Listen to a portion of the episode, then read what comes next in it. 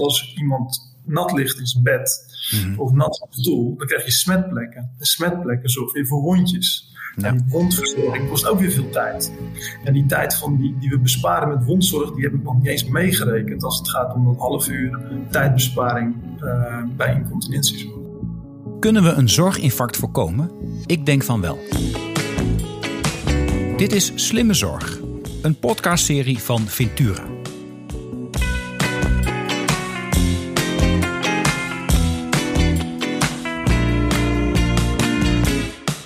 Mijn gast van vandaag is Jan Kees van Wijnen. Jan Kees is sinds maart 2021 lid van de Raad van Bestuur van Tante Louise, een VVT-organisatie in de regio Berg op Zoom.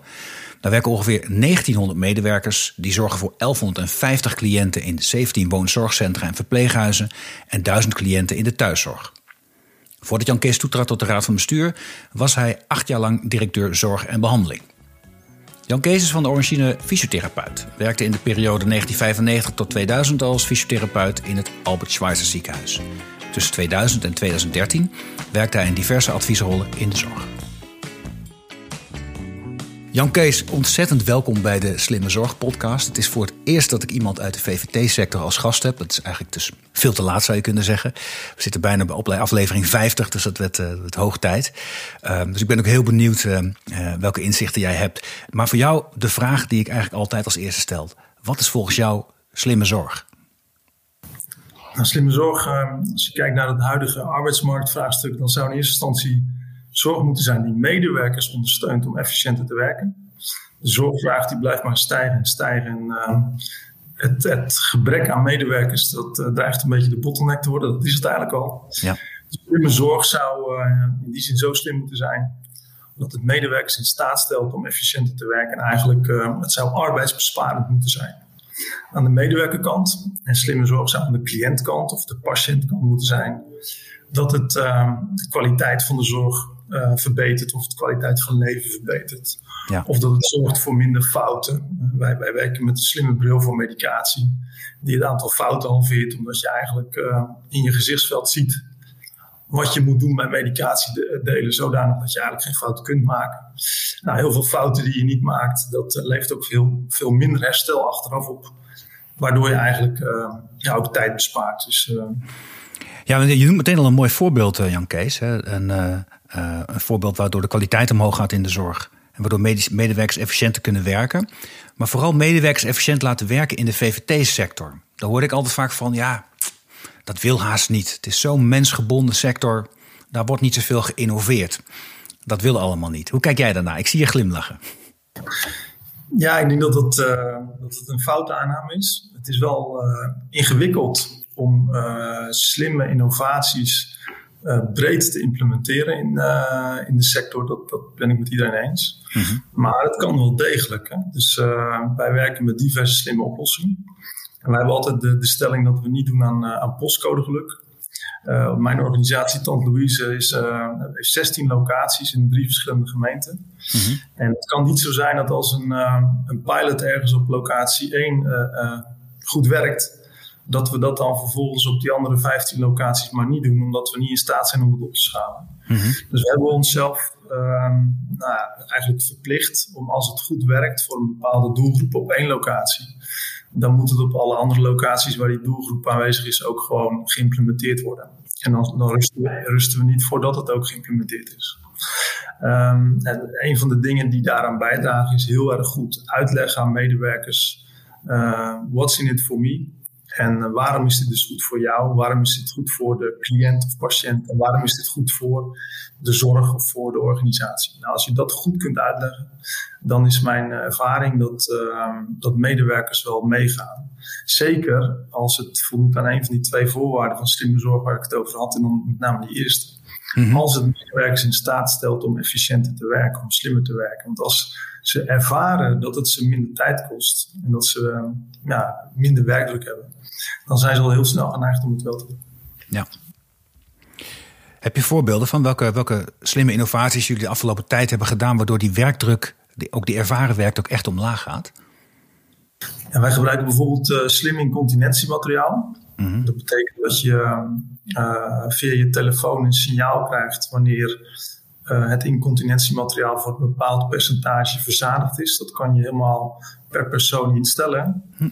als je een uur van tevoren uh, een notificatie wil krijgen, kan het een uur van tevoren. Wil je dat anderhalf uur, kan het anderhalf uur van tevoren. Het kan ook een half uur van tevoren. Hm. Um, en dat betekent dat je nooit meer iemand ehm, te laat verschoont. En te laat verschonen komt helaas nog veel voor. Ja. en dat betekent dat iemand in een nat bed ligt. Of dat iemand ehm, nat in zijn stoel zit. Nou, dat kost heel veel tijd. Want je moet iemand uh, verschonen, soms wassen en douchen. Je moet het bed verschonen. Nou, dat, ja, heel veel herstelwerk achteraf. Terwijl als je altijd op tijd bent, ja, dan bespaart je dat gewoon tijd. En er is onderzoek gedaan.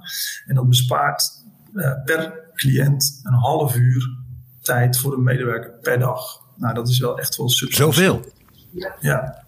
Nou is natuurlijk niet iedereen incontinent in de ouderenzorg, maar voor de doelgroep die het wel is, uh, ja, scheelt het toch enorm. Dus als je uh, op een groep van acht, wij hebben veel kleinschalig wonen, als daar drie cliënten zijn met, een, met slim incontinentiemateriaal, dat scheelt je dus gewoon anderhalf uur op een dag. Nou, dat is als, als één innovatie is dat al substantieel, maar als je daar nog een aantal erbij hebt die ook tijd besparen, ja, dan mhm. gaan medewerkers het wel merken.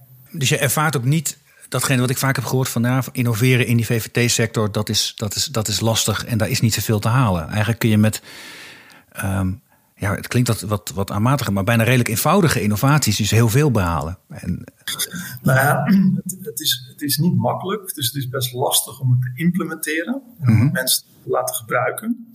Maar als ze het eenmaal hebben ervaren, en wij hebben, wij hebben eigenlijk binnen Tante Louise een hele PDCA-cyclus ingericht rondom innoveren. Oké. Dus als je kijkt van, nou, we hebben, we hebben een, club uh, innovatieadviseurs. En er zitten dan ook nog uh, een paar enthousiaste bestuursleden bij, waar ik er dan een van ben, die zeg maar de, de, de planfase doen, de inspiratiefase. En in die doelfase hebben we projectleiders. En die doen niks anders dan van A tot Z uh, afdelingen, teams, woningen of locaties begeleiden bij de implementatie van zo'n innovatie. En als het eenmaal geïmplementeerd is en overgedragen naar de lijn, dan hebben we in die checkfase hebben wij een interne afdeling audit en advies. En die doet niets anders dan met audits kijken. Is bijvoorbeeld dat slim incontinentiemateriaal bij iedere nieuw bewoner, waar dat um, nou ja, uh, aan de orde zou kunnen zijn, is dat ook mhm. aangeboden? Wordt het goed gebruikt? Worden mensen ook inderdaad op tijd verschoond? Ligt niemand meer in een nat bed? Nou, mm dingen, dat wordt dan gecheckt en dan komen rapporten uit. En dan hebben we nog een stuurgroep innovatie met een brede vertegenwoordiging uit de hele organisatie. Met verpleegkundigen, dokters, innovatieadviseurs, projectleiders, uh, alles erop en eraan. En op basis van alles wat we leren in die checkfase, dat, dat, nou, dat gebruiken we dan weer om bij te sturen. En zo maken we iedere keer dat kringetje rond. Mhm. En dan kun je duurzaam implementeren.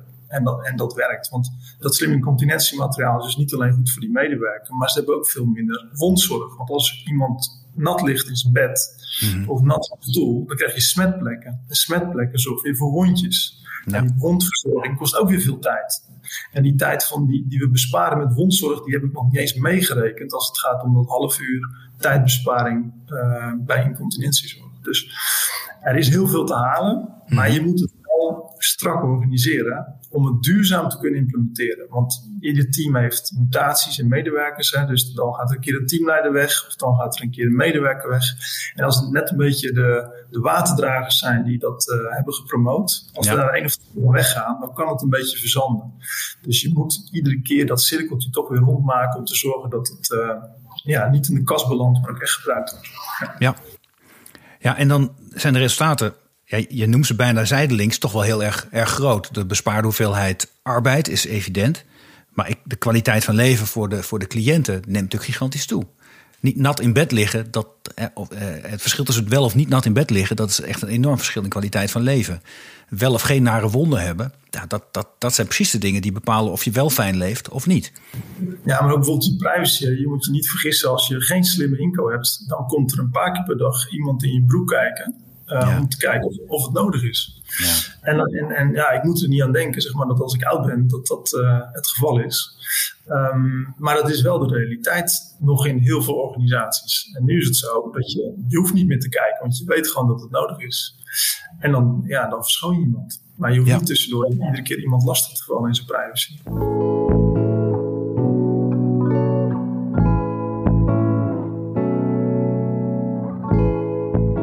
Je geeft ook aan dat, je, dat voor Tante Louise dus innovatie geen bijzaak is, maar echt hoofdzaak. Ik zou misschien net geen primair proces, maar dan wel een heel erg belangrijk um, ondersteunend proces voor het primaire proces. Is dat, dat is, is dat dan ook echt de, de doorslaggevende succesfactor, dat je dat zo georganiseerd hebt, of komt er nog meer bij kijken? Nou, we hebben, we hebben vier strategische doelen. Uh, de eerste is dat wij willen dat onze cliënten gelukkig zijn. Omdat we, nou, we stellen tevreden is niet goed genoeg. En waarom niet? Omdat ze zijn vaak de laatste fase van hun leven bij ons. En als ze dan zeggen, ja, ja nou ja, het, uh, het, is, het is wel oké. dan zeggen ze, nee, ze moeten echt ook in die laatste fase, ook al zijn ze soms erg ziek, moeten ze nog wel nieuwe herinneringen kunnen maken en ook zich gelukkig voelen bij Tante Louise, bij ons. Ja.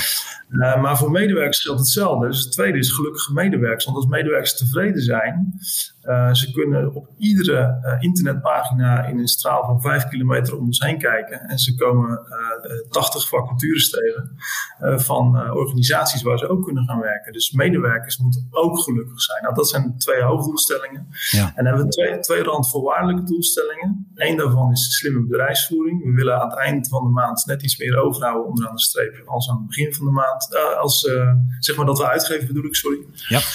Um, uh, omdat als iedereen dat doet en we geven bijvoorbeeld woningen een budget, hè, een, een budget voor maaltijden, een budget voor feestjes, als hè, dat kan niet iedere dag, maar dat, ze, dat iedereen een soort van huishoudpotje heeft om uh, nou, alles van te kunnen betalen. Uh, en als we met z'n allen letten op wat erin komt en wat eruit gaat, dan is dat waardevol. En de mhm. laatste doelstelling is dat we toonaangevend in zorginnovatie willen zijn. En waarom? Wij zijn ervan overtuigd dat als we dat niet zijn, dat we uiteindelijk de kwaliteit van de zorg op lange termijn niet overeind kunnen houden. En dat kunnen we niet overeind houden omdat we gewoon te weinig mensen hebben die die zorg kunnen leveren. Uh, en nou, je zou kunnen zeggen, neem ze dan aan. Maar die mensen zijn helaas niet geboren. Uh, op dit moment werkt al 1 op de 7 medewerkers in Nederland van de beroepsbevolking werkt in de zorg- en welzijnssector. Als je kijkt naar de stijging van de zorgvraag de komende 20 jaar, dan zou dat naar 1 op de 4 moeten gaan. Ja, dat gaat niet gebeuren. Dus we moeten het anders doen. En dat is een besef wat al heel lang bij ons doordrongen is. En daar waar we ook heel veel intern en ook extern over communiceren. Al jaren. En dat is wel een, uh, een besef wat er bij iedereen in de organisatie goed in zit. Waardoor iedereen snapt dat uh, nou als wij met een innovatie komen waarvan zeggen, hey, dit is goed voor jou en voor de cliënt, dat ze ook doorhebben waarom het zo belangrijk is, ook voor hun eigen toekomst. Ja, ja. Ja, en die, die, die, die, nou ja, die, die zorginnovatie echt als noodzaak, omdat je anders eindigt in een soort van zorginfarct. Een wereld waarin je niet meer voldoende mensen kunt vinden. Dat was ook de aanleiding uh, ruim twee jaar geleden om met deze podcast te beginnen. Het geloof dat je met innovatie zo'n infarct kunt voorkomen. Ik heb veel inspirerende mensen uh, gesproken. Um, maar nog niemand die echt zegt van joh, en als je innoveert, dan ben je ook in staat om duurzame zorg te kunnen blijven leveren. Ik hoor jou dat impliciet bijna wel zeggen. Het, het, geloof daarin, als je, als je daar echt een focus op zet. Nou, kijk, het lastige is, je hoort heel veel verhalen tegenwoordig van de zorg gaat verschralen, eh, de zorg gaat een eh, andere kant op. Heel veel negatieve verhalen eigenlijk over de zorg. En omdat we de mensen die in de zorg zouden willen werken heel hard nodig hebben, uh, willen wij heel graag een positief verhaal tegenover stellen. Mhm. En waarom? Als, als iedereen alleen maar negatieve verhalen hoort, dan wordt het helemaal niet meer aantrekkelijk om in de zorgsector te gaan werken. Nee. En wij denken dat het wel kan. En ik denk dat wij tot nu toe ook laten zien dat het wel kan. Met een aantal sociale innovaties en technologische innovaties. En uh, of we dat zeg maar, uh, of we daar alles mee op kunnen lossen, dat weet ik niet. Maar we hebben wel het geloof erin dat we heel, heel ver kunnen komen. En dan ben je in die, in die VVT-sector, mag ik zeggen, een koploper? Ik, ik, in ieder geval, ik durf dat, dat, dat, dat wel te delen, dat je, dat je daar een koploper bent. Uh, qua innovatie, qua focus op innovatie en qua adaptie ook van innovatie. Ik denk dat wij wel daarin voorop lopen. We hebben ook eh, de beweging Anders werken in de zorg gestart omdat we hebben uh, geconstateerd als wij de enige zijn die het doen, dan is het een druppel op een groeiende plaat. En anders werken in de zorg is met name gestart om anderen te laten profiteren van de lessen die wij hebben geleerd uh, bij de implementatie van innovaties. Dus we zijn gestart in West-Brabant. En inmiddels uh, zijn er een aantal andere regio's bij aangehaakt. Uh, Zeeland, Friesland, Midden-Brabant en recentelijk ook Utrecht. Dus we hebben nu zo'n zo'n zo'n 80 zorgorganisaties in de VVT die eigenlijk nou ja, meezitten in een lerend netwerk. En in eerste instantie was het nog gericht op dat wij onze lessen konden delen met de partners in, in West-Brabant en later in Friesland en Zeeland. Mhm. Maar nu komen de andere regio's natuurlijk zelf ook met nieuwe dingen. Dus nu leren we veel meer van elkaar. Ja, dat, is helemaal mooi. Ja. Dat, is, dat is wat je wil. Ja. ja. Heb je al een, een, een, een, een stuk inspiratie opgedaan in dat netwerk van anderen? Dat je denkt van, hé, hey, dat kunnen wij ook gaan doen? Zeker, zeker. Ja? Dat is wel leuk. Ja, je ziet, je ziet toch dingen voorbij komen van denk van, hé, hey, uh, daar had ik zelf op moeten komen. Mm -hmm. En uh, nou, dus je ziet altijd inspiratie ook uit andere regio's. Ja. Nou, mooi is dat.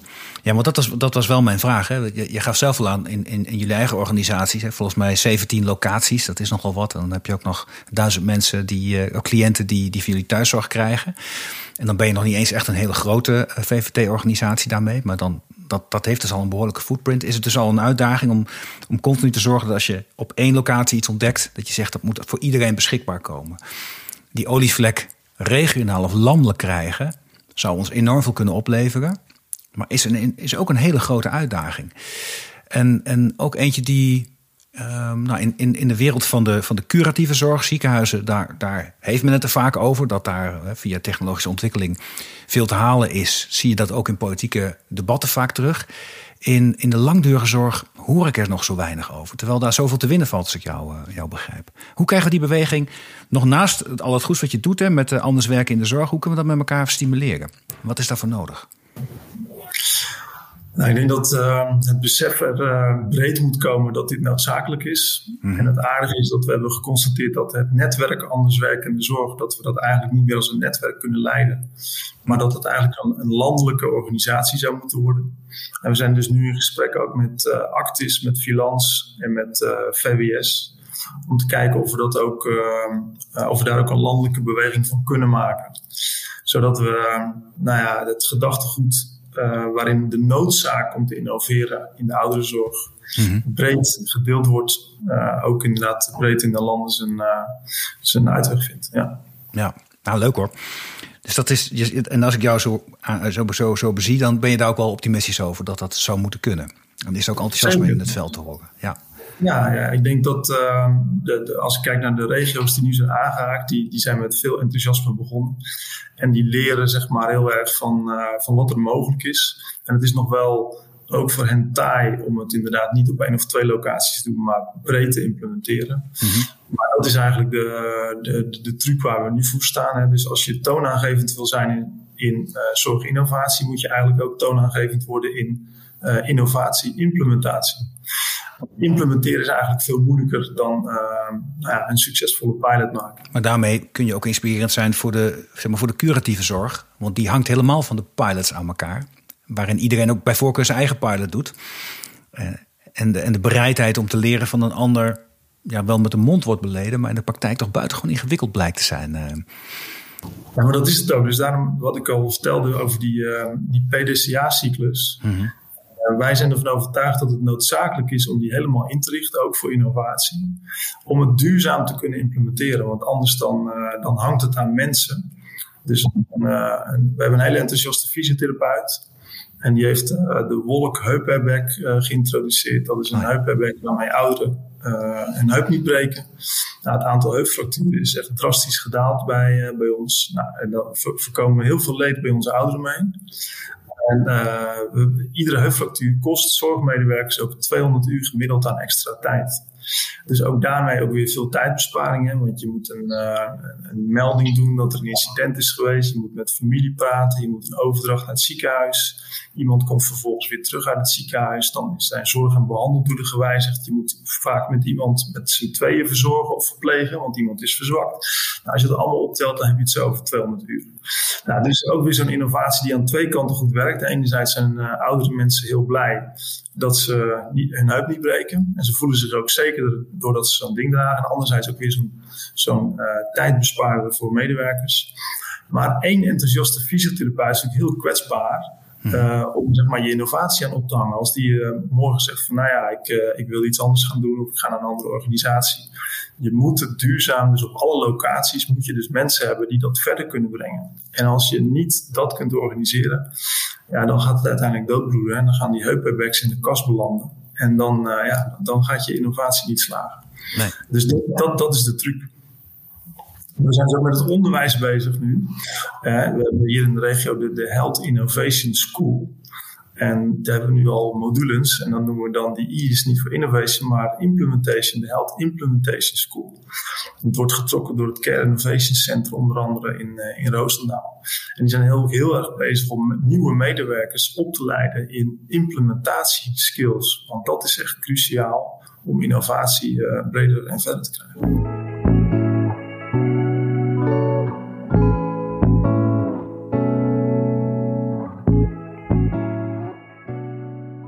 Mijn vak geweest. Ik werkte bij een adviesbureau, het heette Pentascope. Implementeren is ons vak. En daar regelmatig hele mooie plannen gezien, die inderdaad niet veel verder kwamen dan mooie plannen. En heel veel mooie pilots die niet verder kwamen dan een pilot. En daarna kwam het taaie werk om die veranderingen dwars door de hele organisatie te krijgen. Iedereen mee te krijgen en, en ook, nou ja, echt verinnerlijkt te krijgen. Die nieuwe manier van werken. Dus niet als project, maar dit is de nieuwe manier waarop wij het doen. En dit kan ik ook. En dat is best omdat dan mensen ook moeten leren om anders te werken. Dat is ook zo'n zo'n hobbel die ik vaak heb gehoord. Van ja, innoveren is leuk, maar we krijgen de medewerkers zo moeilijk mee. Ook omdat ze soms de, de skills niet hebben om nou ja, makkelijk om te kunnen gaan met nieuwe technologie, uh, noem maar op. Um, jij zei dat jullie medewerkers heel gelukkig moeten zijn, dat heel belangrijk is. Dus help je ze dan ook heel erg actief om die skills wel op te doen? Of hoeft dat niet eens? Gaat dat vanzelf? Er zijn volgens mij twee dingen. Uh, ooit heeft een meneer Sinek gezegd: uh, start with why. Dus leg uit uh, waarom je dingen doet. En dan pas hoe je het doet en wat je doet en niet andersom. Dus wat wij heel erg uitleggen is de bedoeling van, van dingen. En ik weet niet of je nog kunt herinneren dat Martin van Rijn, toen hij nog staatssecretaris was bij VWS, het moeilijk had toen zijn vader hem op een van de praatprogramma had uitgenodigd om te praten over de, de urine die langs de enkels van de, moeder van Martin liep. Ik weet alles van. Uh, het was een vreselijke tijd. Ik zat toen zelf in de politiek. Ik heb die man zien lijden, echt letterlijk. Ja. ja. het plascontract ging het over. Het plascontract. Nou, als je slim incontinentiemateriaal niet goed uitlegt aan bewoners, cliënten of medewerkers of familie, dan is het niks meer of niks minder dan een plascontract. Want je zegt eigenlijk, ik kom nog maar, maar twee of drie keer per dag verschonen. Alleen op dat moment dat het echt nodig is. Nou, dat was eigenlijk de basis van het plascontract. Maar als je kunt, ja, ja dat, zo, zo ging het. Maar als je kunt uitleggen wat voor voordelen dat slim incontinentiemateriaal heeft. Veel meer privacy. Je, hebt, uh, je ligt niet meer in een nat bed of zit niet meer in een natte stoel. Je hebt geen, veel minder kans op wondjes. Uh, nou, dat is aan, aan, de, aan de klantkant en aan de medewerkerkant. En je bespaart er gewoon heel veel tijd mee. Je mhm. hoeft heel weinig dingen achteraf te repareren. En dat komt nooit uit, want dan belt er iemand anders aan de andere eind van de gang dat hij van de wc af wil. En dan ben jij iemand net aan het verschonen. Maar dat hoeft allemaal niet meer. Als je maar gewoon op die notificatie op je telefoon kijkt, ja. dan is er niks aan de hand en notificaties op een telefoon. Mensen krijgen ook van allerlei appjes of van Facebook of Instagram krijgen ze ook notificaties op hun telefoon. Dus het is gewoon een notificatie. Dus hoe simpel is een notificatie om te bekijken? Eh, want dat is men toch al gewend. Dus dat is eigenlijk een innovatie van, ja, die maar heel beperkt is. Dus kijk naar een notificatie. Ja, dat, dat, dat, mensen kunnen echt wel naar een notificatie kijken, want dat doen ze de hele dag na. Ja. En verder is het in plaats van een, gewoon, uh, gewoon incontinentiemateriaal, incontinentiemateriaal met een slimme sensor omdoen. En, en heel veel meer is het niet. Nee. Nee, nee, maar het werkpatroon wordt anders omdat je wel actief moet gaan reageren op die notificatie. Je kunt niet je vaste ronde lopen, bij wijze van spreken. Je moet wel... dat, wordt heel anders. Ja. ja. Maar daardoor heb je maar doordat je dat doet, heb je eigenlijk meer regie. Want je, hoeft, je hebt het, de boel escaleert minder. En daardoor kun je, kun je beter je werk plannen en organiseren en meer kwaliteit. En als, en als je meer regie hebt en hmm. je kunt bewoners of cliënten op de tijd helpen dat zij ook geholpen moeten worden of willen worden. Ja, dat werkt ook enorm. Wij hebben een slimme bedsensor. En die slimme bedsensor die gebruiken we heel vaak in de nacht, maar hij is ook ochtends super effectief. Want we zien wie er als eerste wakker wordt. En we zien wie er uh, nog ligt te doezelen of al uh, uit bed, zelf uit bed wil. Dus je kunt ochtends de volgorde van je ochtendzorg kun je enorm goed bepalen op basis van die slimme bedsensor. S'nachts hoef je niet meer alle kamers over om te kijken of iemand uh, wel slaapt. En met het risico dat je iemand wakker maakt en die dan heel de nacht aan het spoken is. Maar s ochtends kun je helemaal je aanpassen aan het ritme van de mensen. Moet je kijken hoeveel rust dat geeft op een groep. Nou, dat is voor medewerkers is dat ongelooflijk, want die, die, die, krijgen veel minder uh, die alarmbellen onder de oren, omdat ze het ritme volgen van iedereen op zijn afdeling. Omdat nooit iedereen op hetzelfde tijdstip wakker is. En nooit iedereen op hetzelfde tijdstip naar het toilet. Nou, dat zijn van die kleine dingen. En zo'n bedsensor heeft ook een notificatie op je telefoon. Ja, nou, je hoeft alleen maar naar die notificatie te kijken. En inderdaad te handelen op een notificatie in plaats van van kamer A naar B naar C naar D te gaan, wat men gewend was. Ja, ja, dat is mooi. Ja, die bedsensor, ik ken hem ook nog van een, een oud-oom van mij... die in een uh, verpleeghuis terecht kwam in Hengelo... die dat helemaal was, net was vernieuwd en die het ook gebruikte. En, um, en hoe, de, zo, zo, hoe dement ook was, hij merkte wel het verschil. Dat hij uh, ja, dat minder verstoord, ook zelf minder verstoord werd. En, uh, en wat, wat, wat misschien ook al vergeten wordt, en jij noemde het net ook al... is dat de VVT zorg voor een heel groot deel gaat om leven. Hè? Dat wordt, het is zorg, het is verzorging, maar het gaat uiteindelijk om leven. De laatste fase van je leven zo goed en zo aangenaam mogelijk uh, kunnen leven. En dan doet privacy er nog steeds toe. En dit sensoren helpen daar enorm bij. Ongelooflijk, ja. ja. Wij werken dus ook niet met camera's. Wij werken veel liever met een sensor. Mm -hmm. Een camera komt toch voor de privacy altijd al heel anders over dan een sensor. En een ander voordeel van een sensor is dat die sensor uh, data oplevert. Een camera levert geen data op. En van die data kun je weer leren. Uh, nou, en daarnaast is een sensor over het algemeen veel goedkoper dan een camera. Dus het is en goedkoper en je kunt ervan leren en het heeft voordelen voor de privacy. Dus wij zijn wel fan inderdaad van uh, dat systeem. Ja. Even terug naar een andere innovatie die je net noemde, die, die heup-airbag. Waar je zegt, nou ja, um, die loont voor ons binnen onze organisatie al enorm. Omdat als mensen hun heup niet breken, nog afgezien van het leed dat je daarmee voorkomt, dat wil je natuurlijk sowieso niet, scheelt ons dat 200 uur per uh, gebroken heup. Dus dat is goed. En dat, dat, die tijd kunnen we voor andere dingen inzetten. Ik denk dan altijd, die tijd kan ook gaan in de factor aandacht hè, voor mensen. Want het idee is, door al die technologie krijgen mensen geen aandacht. Ik durf, zie jou knikken. Maar doordat er, dat je niet hoeft te rennen, kun je ook aandacht geven. Dus dat is mooi. Dus die, die hebben alvast te pakken. Dus dat is voor jullie de incentive om dit, te doen, om dit te doen. Maar er zit toch aan de andere kant ook een hele grote incentive. Dat als die heup niet breekt, hoeft iemand ook niet naar het ziekenhuis. Hoeft daar geen heupfractuur geopereerd te worden, et cetera. Hoe, en is er nou een zorgverzekeraar ook geïnteresseerd dan in, in, in, in dit soort innovaties aan jullie kant? Of doe je het gewoon en dan uh, ja, zijn de voordelen ja, voor de verzekeraar en daar hoor je nooit wat van? Nou, wij zijn nooit zelf begonnen. Ik, ik, heb in 2014 het eerste berichtje gelezen over, een, uh, over die heupback, een heel klein klantenberichtje. Mm -hmm. toen uh, heb ik gebeld met uh, de start-up. En toen zei ik dat ik erg geïnteresseerd was, omdat ik dacht dat we heel veel leed bij onze bewoners konden besparen door die slimme heupback. Je moet je voorstellen, de eerste modellen die moesten nog wat robuuster, of de elektronica die moest nog wat, uh, uh, nou ja, wat, wat, wat, beter opgebouwd worden, zodat die ook in een wasmachine kon. Want mensen zijn mm-hmm. ook incontinent, hij moet tegen een stootje kunnen, zullen we maar zeggen. Ja. Uh, nou, zo waren er nog wat dingen over draagcomfort en de grootte van de airbag. En in 2018 hadden we voor het eerst een versie die je deed. En eigenlijk binnen, binnen een jaar hadden we het aantal heupfracturen al, al meer dan gehalveerd. Mm-hmm. En hadden we 30 heupfracturen minder per jaar. En wat je dan krijgt is dat uh, iedere heupfractuur is een, uh, zo'n 25.000 euro aan operatiekosten. Daar komt dan nog zo'n 15.000 revalidatiekosten aan uh, achteraan. Dus 40.000 euro per heupfractuur is, is eigenlijk wel gangbaar voor de geriatrische doelgroep. Nou ja, 30 keer 40.000 is best veel geld. En als je dan naar een zorgverzekeraar gaat, dan zeggen nou ja, dit hebben jullie uh, bespaard aan kosten in de uh, zorgverzekeringswet. Mm-hmm. Dan zien we wel dat, uh, dat een, tot een interessant gesprek leidt. En wij hebben zo, zodanig ingestoken dat we hebben gezegd, nou ja, we hoeven dat geld niet allemaal terug. Maar als we maar een deel van dat geld van jullie terug kunnen krijgen om weer te investeren in andere innovaties, mm-hmm. dan zijn we met elkaar goed bezig. En ja, dat hebben we ook gedaan. En in onze regio is uh, CZ, zorgkantoor, uh, zeg maar de, de partij. Dus we hebben dat uh, met CZ hebben we dat inderdaad hebben we daar afspraken over gemaakt. Ja. Dat is mooi zeg. Maar dat, is, dat, dat komt omdat dat jullie naar CZ zijn gegaan en zeggen: Goh, dit, volgens mij doen wij interessante dingen, kunnen we het er eens over hebben. En als je ons daar een deel van teruggeeft, gaan we vast nog meer interessante dingen doen die voor iedereen loont. Ja, dat, dat, dat, is, dat is de basis. Dat zo, zo zijn we dat gesprek begonnen. Ja. Dat is mooi. wordt altijd gehoord, je hoort altijd dat dingen zo moeilijk zijn, maar dit klinkt buitengewoon eenvoudig, Jan Kees. Nou ja, als je het hebt over data-gedreven zorg, daar wordt natuurlijk heel veel uh, over, uh, over geroepen. En iedereen denkt dat je daar hele fancy systemen voor moet hebben. Dat helpt wel, hè, want daar gaan we natuurlijk wel steeds meer naartoe. Maar dit is gewoon heel, heel eenvoudig kijken naar het aantal meldingen van heupfracturen binnen de organisatie.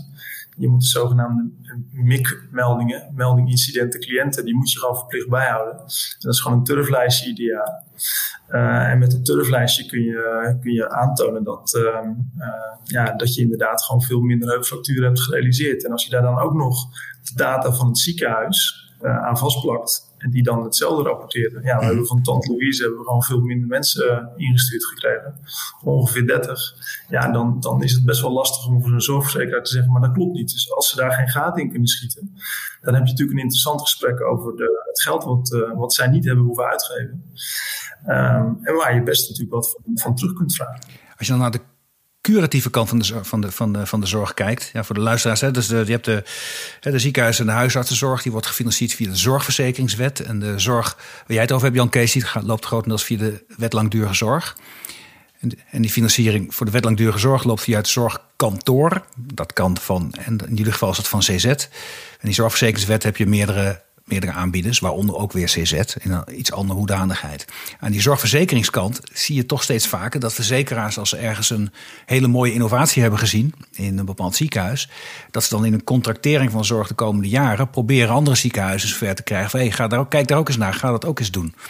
Gebeurt er nou aan die zorgkantoorkant ook? Dat zorgkantoor van CZ, dat die zeggen: hey, we zien daar bij Tante Louise spannende dingen. En naar andere VVT-organisaties gaan zeggen: kijk daar eens. Of loopt dan toch meer via dat, dat dat, dat innovatieplatform wat jij hebt uh, opgericht?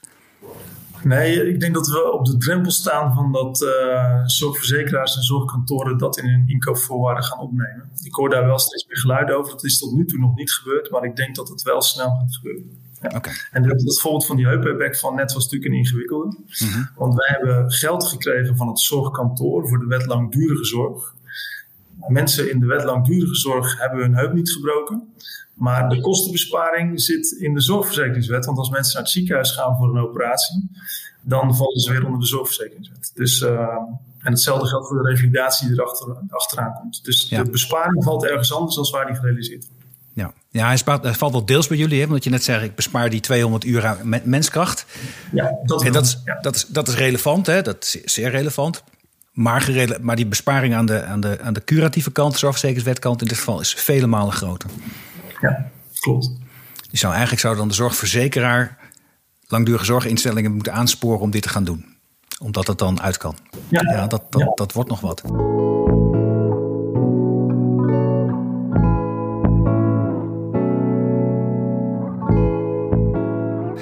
Maar dan, dan komen we wel bij ons volgende thema, eh, Jan Kees, wat mij betreft. Dat is samenwerking in de zorg en dit heeft dan te maken met samenwerking tussen de financiers en de zorg. Uh, maar heeft ook met, met aanbieders te maken. Ik weet dat jij um, initiatieven hebt ontplooid in het begin van de coronapandemie op het gebied van, van samenwerking. Die een hele grote impact uh, hebben gehad, die initiatieven. Zou je daar eens wat meer over kunnen vertellen? Ja, wij waren als Brabant uh, als een van de eerste getroffen in de, in de coronapandemie. Niet als een van de, we waren als eerste aan de beurt. En we zagen heel snel dat de ziekenhuizen volliepen. En uh, met in ons achterhoofd uh, de Italiaanse beelden uit uh, Bergamo, waar mensen op de gangen van de ziekenhuizen werden geplaatst omdat er geen kamers meer waren. kwam bij de ziekenhuizen toch, toch wat meer paniek van we kunnen al die mensen niet kwijt. En toen hebben we met de ouderenzorg gekeken of wij op de vrijgekomen plekken, met name bij de revalidatie, of we daar bedden konden creëren voor doorstroom. En waarom op de revalidatie? Nou, alle, mhm. alle nieuwe knieën en nieuwe heupen, geplande operaties, die werden afgeschaald in de ziekenhuizen. Dus in Brabant uh, moest er ruimte komen op de revalidatieafdelingen. En toen zijn we gestart met het uh, actiecentrum overplaatsingen. Uh, en ik mocht daar voorzitter van zijn. En we hebben in de drie veiligheidsregio's in Brabant, hebben in iedere regio een, veiligheid, een, sorry, een, een coördinator neergezet, een regio-coördinator. En die regiocoördinator heeft eigenlijk niks anders gedaan als de, de, de ziekenhuizen en de huisartsen, die eigenlijk niet wisten waar ze hun patiënten kwijt moesten. Uh, middels uh, hulp bij triage gekeken. Wat kan nu versneld door naar de ouderenzorg? Naar de zogenaamde cohortafdelingen. Zodat die ziekenhuizen konden blijven opnemen. En zodat de ouderenzorg die ziekenhuizen konden ondersteunen om, uh, ja, om door te kunnen draaien. En dat hebben we gedaan. En we zijn begonnen aan de laatste week van maart met uh, zes cohortafdelingen in heel Brabant. En binnen drie weken hadden we er 24. En we hebben in die eerste golf hebben we bijna uh, duizend mensen versneld opgenomen vanuit de ziekenhuizen in de ouderenzorg. En uh, ik ben ervan overtuigd dat we daarmee die, die Italiaanse toestanden hebben voorkomen. Duizend mensen? Dat is echt, dat zijn grote getallen inderdaad. En, en dat waren patiënten die um, anders een nieuwe heup hadden gekregen of net al wel hadden gekregen. En wat voor soort patiënten hadden het precies over? Nee, er waren natuurlijk heel veel mensen die, uh, die naar, naar, het ziekenhuis kwamen met COVID. Mm -hmm. En het ziekenhuis die wist nog niet heel goed, omdat het een hele nieuwe doelgroep was, mm -hmm. wat zou de ouderenzorg aankunnen uh, voor, van deze doelgroep. Dus we hebben ja. mensen van ons stage laten lopen in de ziekenhuizen. En die hebben gezegd van nou, die kan wel komen, die ook wel. Uh, maar die mevrouw misschien nog niet. Die moet eerst nog wat stabieler worden. Mm -hmm. En toen uh, hebben we binnen een week, twee weken, hebben we eigenlijk een soort van doelgroep gedefinieerd. Als het aan die kant van de streep is, dan kun je het gewoon al doorplaatsen naar de ouderenzorg. Dan kunnen wij er wel voor zorgen. Ja, ja. En als het aan de andere kant van de streep is, dan is het handig als die nog even bij jullie blijft. Ja, het waren wel COVID-patiënten dus. Dit waren redelijk stabiele, maar wel zieke COVID-patiënten. Medisch stabiele, maar wel zieke COVID-patiënten. Ja. ja. En die uh, konden wij opvangen omdat de ziekenhuizen waren gestopt met uh, de geplande operaties. En daar, daaronder waren bijvoorbeeld nieuwe heupen, nieuwe knieën. Die, werden ja, die kwamen niet door. Ah, ja, precies. Die kwamen niet door. Dus wij kregen ruimte op die afdelingen waar normaal gesproken die mensen met een nieuwe heup en nieuwe knie kwamen te liggen. Daar kregen wij ruimte. En daar hebben wij die afdelingen gemaakt voor uh, COVID-patiënten. Het is wel een uh, inspirerend voorbeeld en eigenlijk ook heel praktisch ingestoken. Je bent gewoon gaan bellen en, en gaan organiseren vanuit het vermoeden van waarschijnlijk kunnen wij wat betekenen. Ja, eigenlijk is het uh, niks meer of niks minder dan capaciteitsmanagement. Uh, je weet dat er bedden beschikbaar zijn. Alleen uh, op de plek waar je ze zou willen hebben, heb je ze niet. Nou, dan moet je kijken of je ze ergens anders kunt brengen. En nou, je zag in Nederland allerlei reflexen ontstaan. zo was natuurlijk ook de reflex van laten we Rotterdam Ahoy gaan openen en daar allerlei bedden neerzetten. Ja. En het nadeel daarvan is, is dat het altijd de vraag is van, ja, maar, maar wie gaat daar dan de zorg leveren? Je hebt veel zorgorganisaties in en om Rotterdam. Volgens wiens protocollen gaan we werken? Ja. Welke elektronisch uh, cliënt- of patiëntendossier gaan we gebruiken? Uh, en wij hebben eigenlijk gewoon gebruik gemaakt van bestaande capaciteit en van de, de instellingen.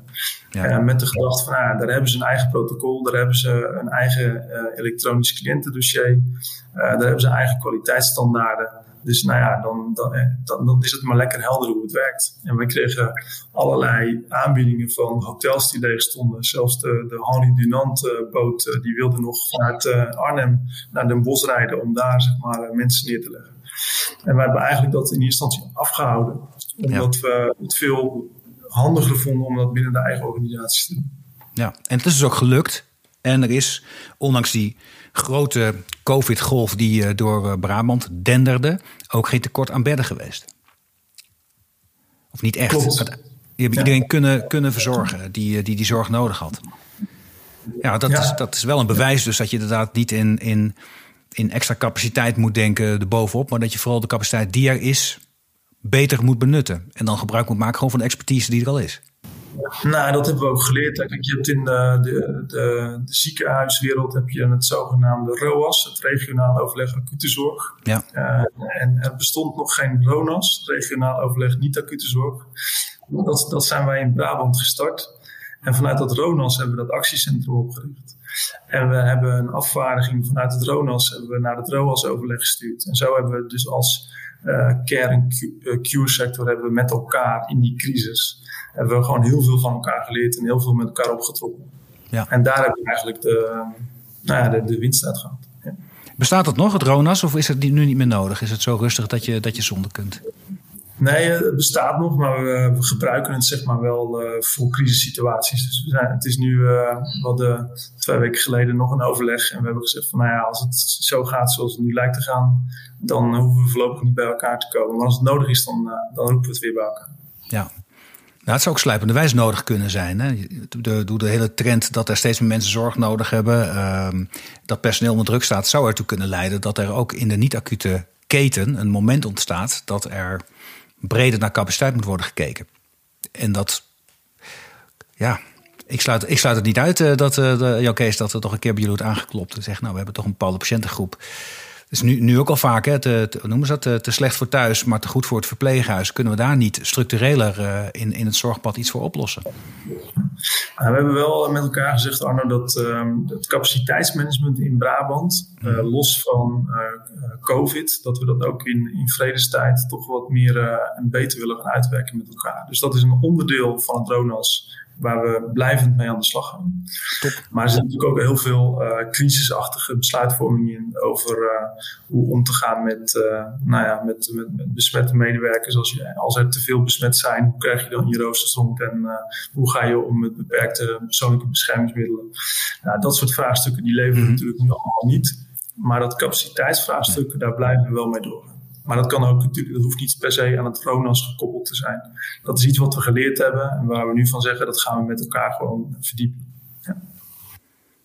Ja, het lijkt me maatschappelijk gezien ook heel, heel, wenselijk. Als capaciteit schaars of personele capaciteit schaars is, dat je dat zo goed mogelijk, al coördinerend, ook als organisaties in verschillende financieringssystemen zitten, dat je dat dan met elkaar organiseert. Maar dat vraagt ook, uh, Jan Kees, om heel veel uh, vertrouwen ik hoor heel vaak dat, dat, dat, dat, dat, dat ziekenhuis, mensen in ziekenhuis werken niet precies weten wat de capaciteiten zijn van de medewerkers in een verpleeghuis en vice versa.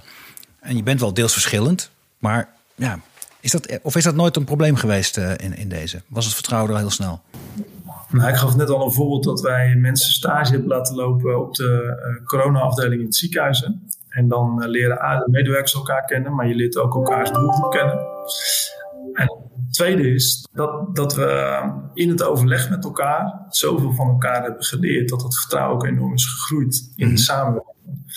Je ziet dus op het moment dat je als ouderenzorg het ziekenhuis kunt ontzorgen door al die bedden beschikbaar te stellen mhm. en voor een goede doorstroom te zorgen en ook te leveren op het moment dat het erop aankomt, mhm. dan ontstaat er ook een veel uh, betere samenwerkingsband. Nou, en dat hebben we wel gerealiseerd in, uh, in coronatijd. Dus er is ook veel meer vertrouwen gegroeid onderin. Ja. En heb je nou, en nou zie je wel bij heel veel, plekken waar ik gesproken heb, ook in ziekenhuizen, dat zeggen ja, we hebben zoveel geleerd van corona. Maar tegelijkertijd zie je iedereen toch heel gauw weer teruggaan naar business as usual. Wat, wat ook wel weer begrijpelijk is. Dus er zitten mensen in elkaar. Maar deze, deze manier van samenwerking, die RONAS-achtige samenwerking, zie je dat ook inderdaad een lang leven beschoren zijn? Of moet je ook daarvoor het actief blijven organiseren, net als jouw innovatie? Nee, je zult het wel actief moeten blijven organiseren. Mhm. Eh, maar ik denk dat er uh, zoveel geleerd is tijdens de crisis. Mhm. Dat je ziet dat je elkaar ook veel makkelijker en laagdrempeliger kunt bellen of kunt mailen of kunt spreken. En we hebben natuurlijk ook al een aantal uh, vormen van overleg georganiseerd buiten, de, buiten het crisisoverleg, waarin we elkaar blijven zien en spreken. Mhm. Dat dat wel blijft is. Ja. Tot slot, eh, er zitten inmiddels drie kerstverse bewindspersonen op het ministerie van, eh, van VWS. Eén eh, daarvan is jouw oud-collega, Connie Helder.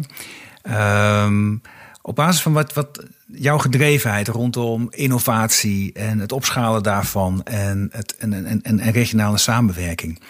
Wat zou nou jouw oproep aan hen zijn? Wat, wat heb jij nodig van de politiek om, om, om, om te zorgen dat we echt een stap verder komen nog met innovatie, dat kunnen versnellen met elkaar en ook nog meer van elkaar gaan leren? Nou, ik denk dat het uh, belangrijk is dat, uh, dat het wordt uitgedragen. Kijk, in de politiek, ze kunnen stimuleren met, met geld of met regelgeving soms is extra geld mm iemand niet nodig. Want uiteindelijk moet een innovatie natuurlijk via een goede business case, moet het ook op lange termijn, moet, moet je het duurzaam kunnen organiseren. Het moet in de exploitatie mee kunnen. Dus al te veel subsidies, je kunt wel een soort van stimuleringssubsidie vragen. Uh, als, je, nou ja, als, als het nog zeg maar, zijn weg moet vinden in de zorg. Dus bij de opstart van innovaties zou je daar aan kunnen denken. Maar verder moeten ze vooral uitdragen uh, dat het uh, belangrijk is dat we innoveren met elkaar om die kwaliteit van zorg op lange termijn overeind te kunnen houden. Um, en dat ze daar ook een stukje geloof in uitspreken. Dat dat toch een van de belangrijkste dingen is om die kwaliteit overeind te kunnen houden. Omdat het aantal mensen uh, wat gezocht wordt en nu eenmaal niet is. We hadden Hugo Borst met zijn manifesten, twee medewerkers op acht bewoners. Want, nou, dat was heel belangrijk. Het hele kwaliteitskader verpleeghuiszorg wat toen geformuleerd is, dat ging heel erg, ik noemde het een kwantiteitskader in plaats van een kwaliteitskader, heb ik het altijd genoemd. Want het ging heel erg over de personele paragraaf. Ja. Die, die innovatieparagraaf die miste in het kwaliteitskader. En eigenlijk zouden ze een veel grotere innovatieparagraaf moeten schrijven in een in, uh, kwaliteitskader 2.0. Waarbij ze dit uh, heel erg uitdragen als kans voor de zon. Dat lijkt mij een hele heldere oproep, uh, Jan Kees. Mag ik je heel erg bedanken voor dit inspirerende gesprek. En blijf innoveren zou ik willen zeggen. Graag gedaan. Dit was Slimme Zorg, de podcast waarin nagedacht wordt over oplossingen waarmee een zorginfarct voorkomen kan worden. Een podcastserie van Ventura. Abonneer je op deze show via iTunes of Spotify en voel je vrij om een review achter te laten. Vind het zelf enorm leuk om te lezen wat jullie van de podcast vinden. Je mag me ook mailen op podcast.ventura.com. Vond je de podcast leuk? Dan heb ik een opdracht voor je. Vertel over de podcast aan een van je vrienden of collega's. Mijn naam is Arno Rutte. Dit was Slimme Zorg. Je hoort mij over twee weken weer in een nieuwe aflevering.